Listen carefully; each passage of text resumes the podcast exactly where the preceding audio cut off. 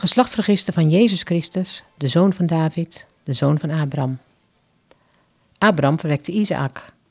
Isaac verwekte Jacob. Jacob verwekte Juda en zijn broeders. Juda verwekte Peres en Zerach bij Tamar. Peres verwekte Gesron. Gesron verwekte Aram.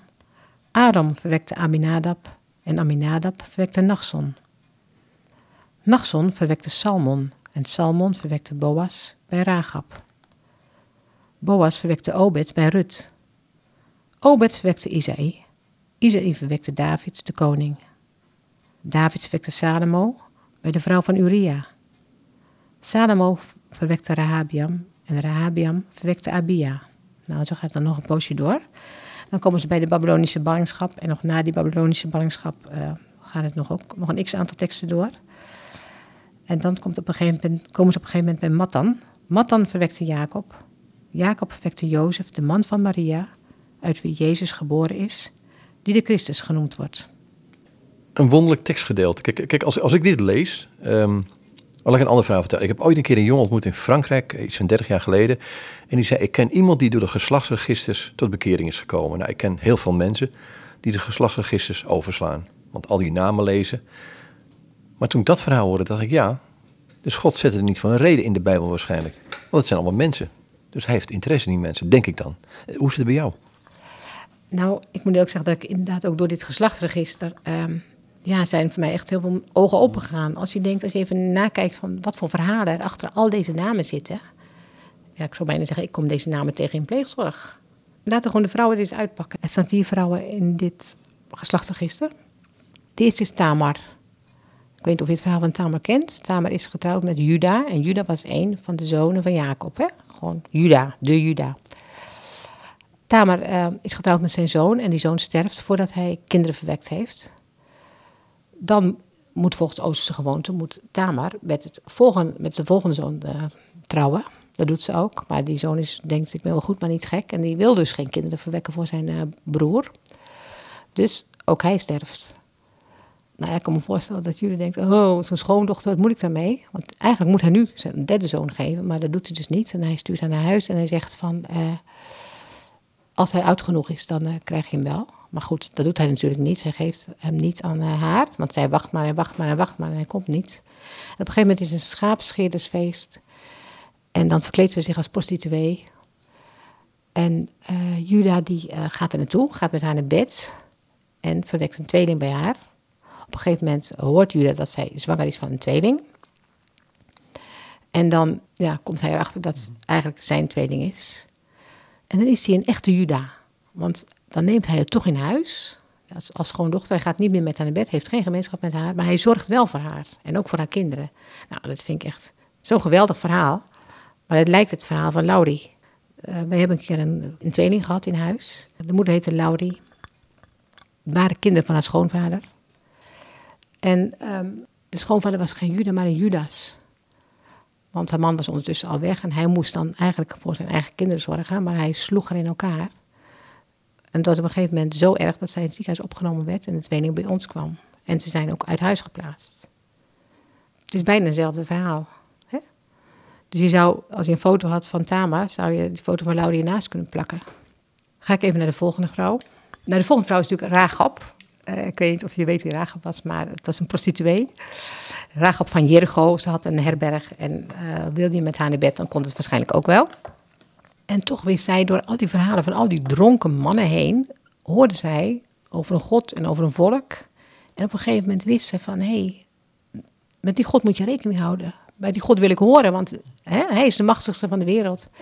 En nou, dat is natuurlijk al heel bizar dat Gods geest in zo'n bordeel aan het werk gaat en Raagap uh, in haar hart treft. En dat zij hè, gewoon bij dat volk wil horen. Het doet mij denken aan Minna, de moeder van een van onze kinderen, die ook prostitueert op de Keilenweg. En wij zoeken haar regelmatig op. En uh, ja, het is op een vunzige, viezige plek. Hoewel die Keileweg nu niet meer bestaat, maar zij loopt er nog steeds en zij zwerft er nog steeds in de buurt. En ik denk altijd van, hier is mijn mooie kind verwekt. Hè? Dat is heel bizar, op deze vieze plek is mijn mooie kind verwekt. Maar altijd als wij haar opzoeken en naar iets brengen of zo, hè, dan weet ze van, hé, hey, dit geven jullie mij zomaar voor niets. Ik hoef hier niet met mijn lichaam voor te betalen.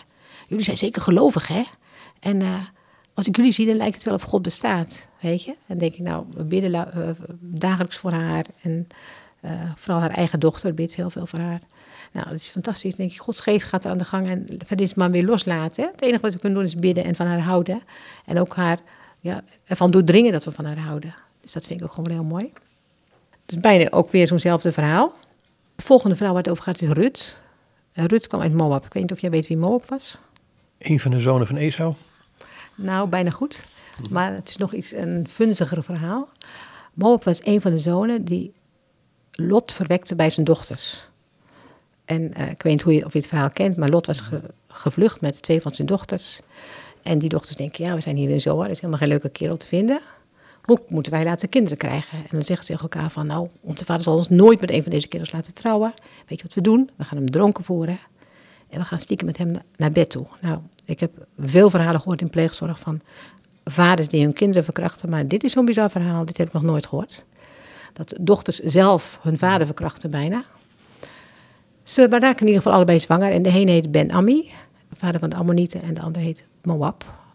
Uit dat geslacht komt Rut. Zoon, vervloekt, vuil, verslag, geslacht komt ze. En ze mag toch bij de Jezus horen. En zij zegt, ik vind Rut ook zo'n bijzondere vrouw, want ze komt uit Moab, ze kende God niet. Naomi, Naomi is met haar man naar Moab gegaan. En een van die jongens is met Rut getrouwd. En zij is in die God gaan geloven. Nou ja, als deze God dan jouw man, je zwager, je schoonzoon wegneemt. Nou, dan laat je toch wel uit je hoofd, zou ik bijna zeggen, om nog in die God te gaan geloven. Hè? Zeker in die tijd was dat zo. En toch blijft ze in God geloven en weet ze, ik moet het van hem hebben. Nou ja, het is het verhaal eigenlijk bijna van Mary, de moeder van uh, Brenda. Zij uh, kwam uit Rwanda. Haar man was overleden, kind was overleden, twee kinderen kwijtgeraakt. Komt hier in Nederland en blijkt haar kind aids te hebben, blijkt ze zelf aids te hebben. En toch zei zij van, uh, maakt me niet uit welke medicijnen ik krijg. Maakt me niet uit of jullie willen stoppen, want mijn leven hangt niet van de medicijnen af. Mijn leven hangt, is in Gods hand. Het hangt van hem af. Nou, dat is helemaal bijzonder dat je dit uh, allemaal mee mag maken eigenlijk. Maar goed, zij is gestorven. Ja, maar voordat zij stierf getuigde zij toch van haar leven is in Gods hand. En voor de stierf bleef ze toch uh, gewoon in hem geloven. Hè? En uh, natuurlijk is ze gestorven, maar ze is nu veilig bij hem. En ze wist dat haar dochter ook veilig was in een gezin hè, die ook in God geloofde. Dus dat was natuurlijk voor haar een hele fijne troost eigenlijk. En ze kon ook Brenda loslaten. Ze kon het leven loslaten. Goed, de volgende vrouw is um, Bathseba. Maar dat staat er eigenlijk helemaal niet. Het staat er gewoon dat David Salomo verwekte bij de vrouw van Uria. En dat vertelt natuurlijk gelijk het verhaal van de moord op de buurman. En de overspel met de buurvrouw. Nou, dit verhaal lijkt op het verhaal van Muriel. Zij is koningin van de nacht. Uh, maar ja, ze heeft geen paleis wat op haar wacht eigenlijk. Muriel, die uh, had twee kinderen bij een man. De man is weggegaan. Uh, Muriel had een, een nieuwe vriend. maar op een gegeven moment kwam die man weer terug en die sarde. En heel vervelend eigenlijk allemaal. Dus op een gegeven moment versloeg die ene vriend haar eigen man dood eigenlijk. Ja, en het kind dat toen uh, geboren was, want ja, Muriel kwam in de gevangenis en Minne kwam in de gevangenis. Dus het kind wat toen geboren was, kwam een poosje bij ons. En ik moest dan inderdaad ook wel even denken aan David en Bathseba. Hè? Het zijn van die aparte verhalen allemaal. Maar het zijn ook dezelfde verhalen. in deze wereld, 2000 jaar geleden, nu, in deze wereld kwam de Heer Jezus. Hij voelde zich niet te vies en te funzig. Hij wilde uit dit geslacht geboren zijn. Hè? Daarom heb ik die laatste tekst ook nog even gelezen. Van een Matthan wekte Jacob, Jacob wekte Jozef, de man van Maria, uit wie Jezus geboren is, die Christus genoemd wordt. Dus er staat niet dat Jozef Christus verwekt. Nee, Jozef is de zoon van God. Of Jezus is de zoon van God. En hij is gewoon bij Maria geboren en mocht veilig zijn bij Jozef, de eerste pleegvader zou ik bijna zeggen. Maar hij voelde zich niet te goed om in dit geslacht geboren te worden. En als Jezus zich niet te goed voelt om in dit geslacht geboren te worden, nou, moet het ons toch ook even lukken om naar al deze mensen die hij ons hier geeft, hè, in de notendop, maar gewoon ook op ons heen. Moet het ons toch lukken om naar al deze mensen te gaan kijken en om te kijken? Als je, als je dit zo leest, hè, wat, wat denk je dan? Hè? Wat worden mensen bij namen genoemd? Uh, nou niet, maar de andere vrouwen worden wel bij namen genoemd. En wat denk je dan uh, als je dit zo leest? Wat, wat, wat is het verlangen wat erachter zit van God? Wat, want er zit voor mij, het lijkt wel of er iets meer achter zit dan alleen maar een geslachtsregister van dit zijn de mensen en hij is geboren. Maar Goed, vertel jij het maar. Nou, ik denk dat zijn onnoemelijke liefde voor ons hierachter zit. Wie we ook zijn, hoe wij ook zijn, wat we ook zijn. God houdt van ons, ongeacht wie je bent. En hij wil hier, hij wil bemoeienis met ons hebben. En wat voor mij ook heel erg getroost is van al deze verhalen, is van God gaat een eigen weg met iedereen. Want je kunt het toch niet verzinnen dat uh, Juda een tweeling verwekt bij zijn schoondochter. En, hè, en dat hij nog van die twee kinderen gaat houden. Dus God gaat een eigen weg met hen door diepte heen, door uh, lastige dingen heen. Er staat ook een stukje van de Babylonische ballingschap. Hè? En toch blijft hij ons in het oog houden en houdt hij van ons. En ja, wil hij gewoon dat wij gelukkig worden. Het gekke is dat, dat het verwijt naar Juda niet is dat hij met zijn schoondochter slaapt, maar meer dat hij zich niet aan zijn belofte heeft gehouden om zijn derde zoon ook te geven aan haar. Ja, klopt. Dus dat is, dat is ook wel inderdaad heel bizar eigenlijk. Dat, het, uh, dat dingen waar wij, van wij denken, nou dit is bijna het allerergste maar dat is natuurlijk ook gewoon wat ik zie in pleegzorg. Hè? Wat ik zei, op deze plek, op deze vunzige plek, is mijn dochter verwekt. En is zo'n mooi kind. Dus uit deze, uit deze kinderen komen gewoon koningskinderen eigenlijk. Uit deze mensen komen koningskinderen. En dat is natuurlijk wel heel mooi. Dus kun je zeggen dat, dat elk leven door God gewild is en gevrocht wordt in een moederschoot, zoals het zo mooi in de psalm staat? Nou, voor mij is het wel zo. Dat ik echt denk van nou, en ook ieder pleegkind wat bij ons binnenkomt, is van wauw, geweldig, wij krijgen dit kind. En dan denk ik nooit van, oh, had ze maar een abortus laten plegen. Ook al is het van de moeder van 14, 15. Hoe sta je een keer als, als twee kemphanen tegenover elkaar? Dat is ook wel gebeuren met je pleegkinderen.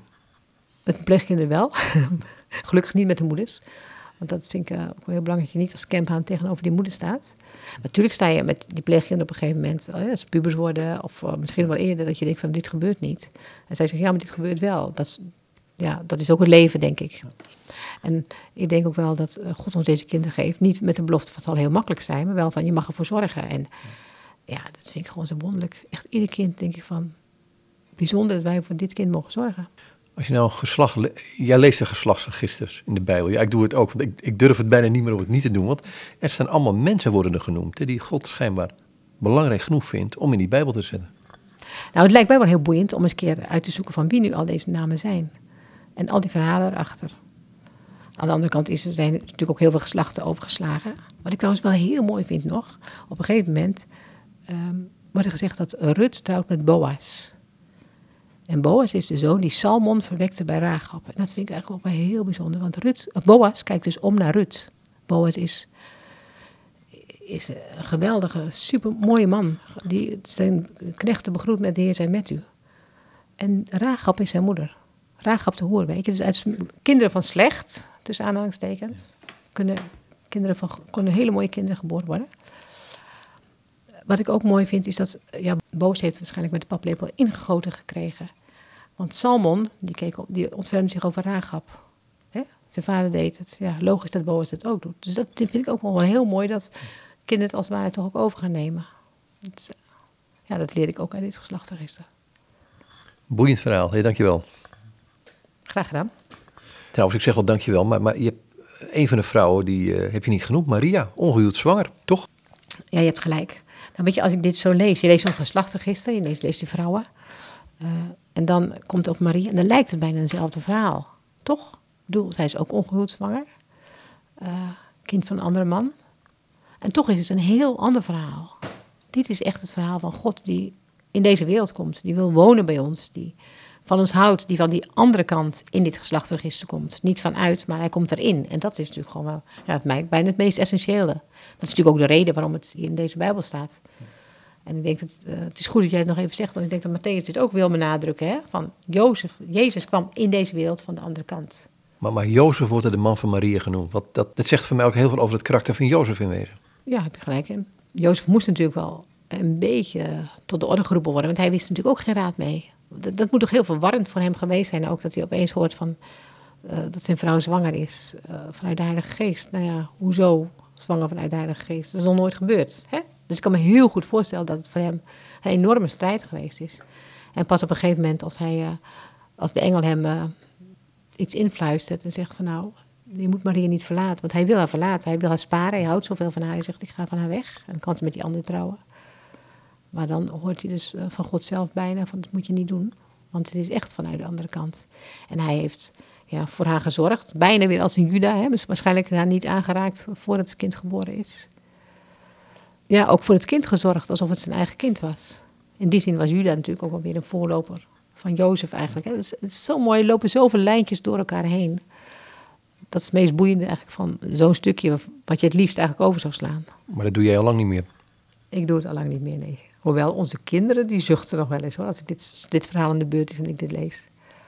Oké, dankjewel. Graag gedaan. En dit zei kinderboekenschrijfster en pleegmoeder Heltje Vink. Een aantal namen zijn trouwens gefingeerd om privacyredenen, maar dat zult u begrijpen.